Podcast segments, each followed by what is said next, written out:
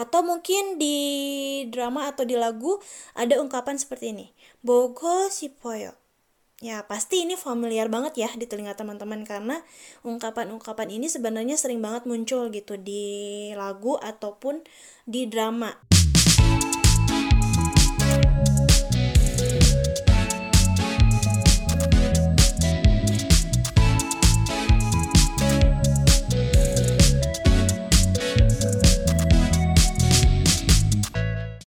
Annyeonghaseyo yorobun Halo teman-teman Baik lagi di podcast Kicauan Sonseng Nim Nah balik lagi dengan saya JJ Sam Yang pada podcast kali ini Sam pengen banget ngebahas tentang ekspresi mengungkapkan maksud atau keinginan dalam bahasa Korea.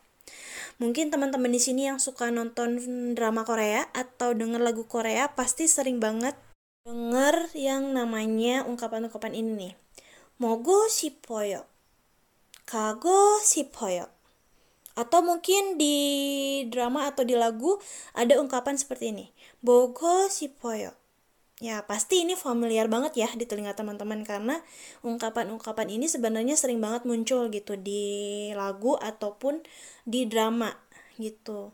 Nah ekspresi ini ternyata itu adalah salah satu ekspresi untuk mengungkapkan keinginan dalam bahasa Korea gitu. Kenapa? Karena ekspresi-ekspresi ini ditempel oleh akhiran gosipta, teman-teman.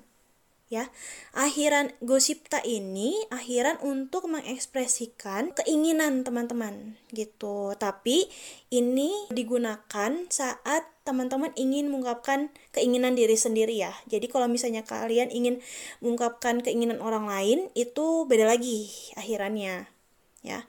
Kalau misalnya di dalam contoh kalimat lainnya, saya bisa kasih contoh. 저는 백화점에서 치마를 사고 싶어요.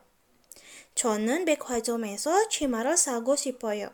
Saya ingin membeli rok di mall. Jadi di situ kan ada chonen ya. Jadi teman-teman bisa menggunakan gosipta di akhirannya untuk mengungkapkan keinginan.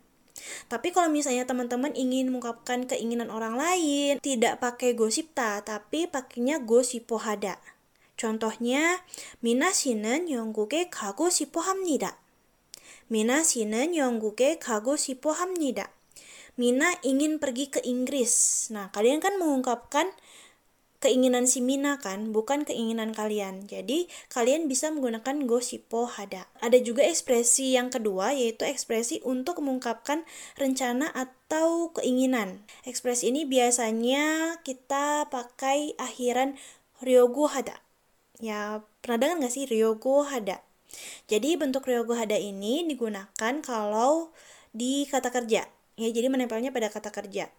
Jika akhirannya ada bacim, pakainya Ryogo Hada. Tapi kalau misalnya kata kerjanya tidak ada bacim atau akhirannya vokal, itu pakainya Ryogo Hada gitu ya. Tapi kalau misalnya akhirannya konsonannya aja real, itu pakainya Ryogo Hada gitu. Jadi sekali lagi e, ryogo hada itu digunakan kalau misalnya kata kerjanya diakhiri konsonan.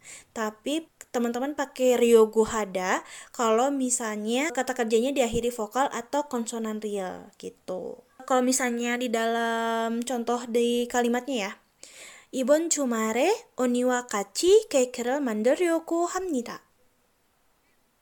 이번 주말에 언니와 같이 케이크를 만들려고 합니다. Jadi saya berencana untuk membuat kue bersama kakak di akhir pekan ini. Nah, di sana kan ada kata mandelda ya. Mandelda itu akhirannya real ya.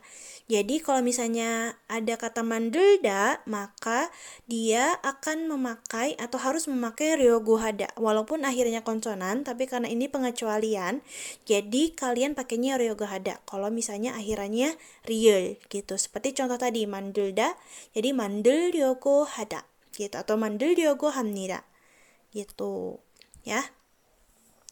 Nah, selain untuk mengungkapkan rencana, jadi Ryogo Hada juga dapat digunakan untuk mengungkapkan sesuatu yang kemungkinan hampir atau baru saja terjadi, gitu ya. Contohnya, 빨리 와요. 영화가 곧 시작하려고 해요. 빨리 와요. 영화가 곧 시작하려고 해요. cepat datang filmnya sebentar lagi dimulai gitu jadi kan itu akan baru akan terjadi ya baru saja terjadi gitu jadi itu bisa tadi kali contoh kalimatnya adalah kot sejak haryogo heo gitu sebentar lagi akan dimulai gitu jadi ragu hadapun bisa diungkapkan dengan jenis kalimat tersebut gitu Nah, itu tadi penjelasan tentang Gosipta dan Eryogo Hada. Sudah jelas kan? Sekian podcast kali ini. Terima kasih sudah mendengarkan. Dan saya bakal balik lagi di podcast selanjutnya. Onoldo, suga mana kamsamnida.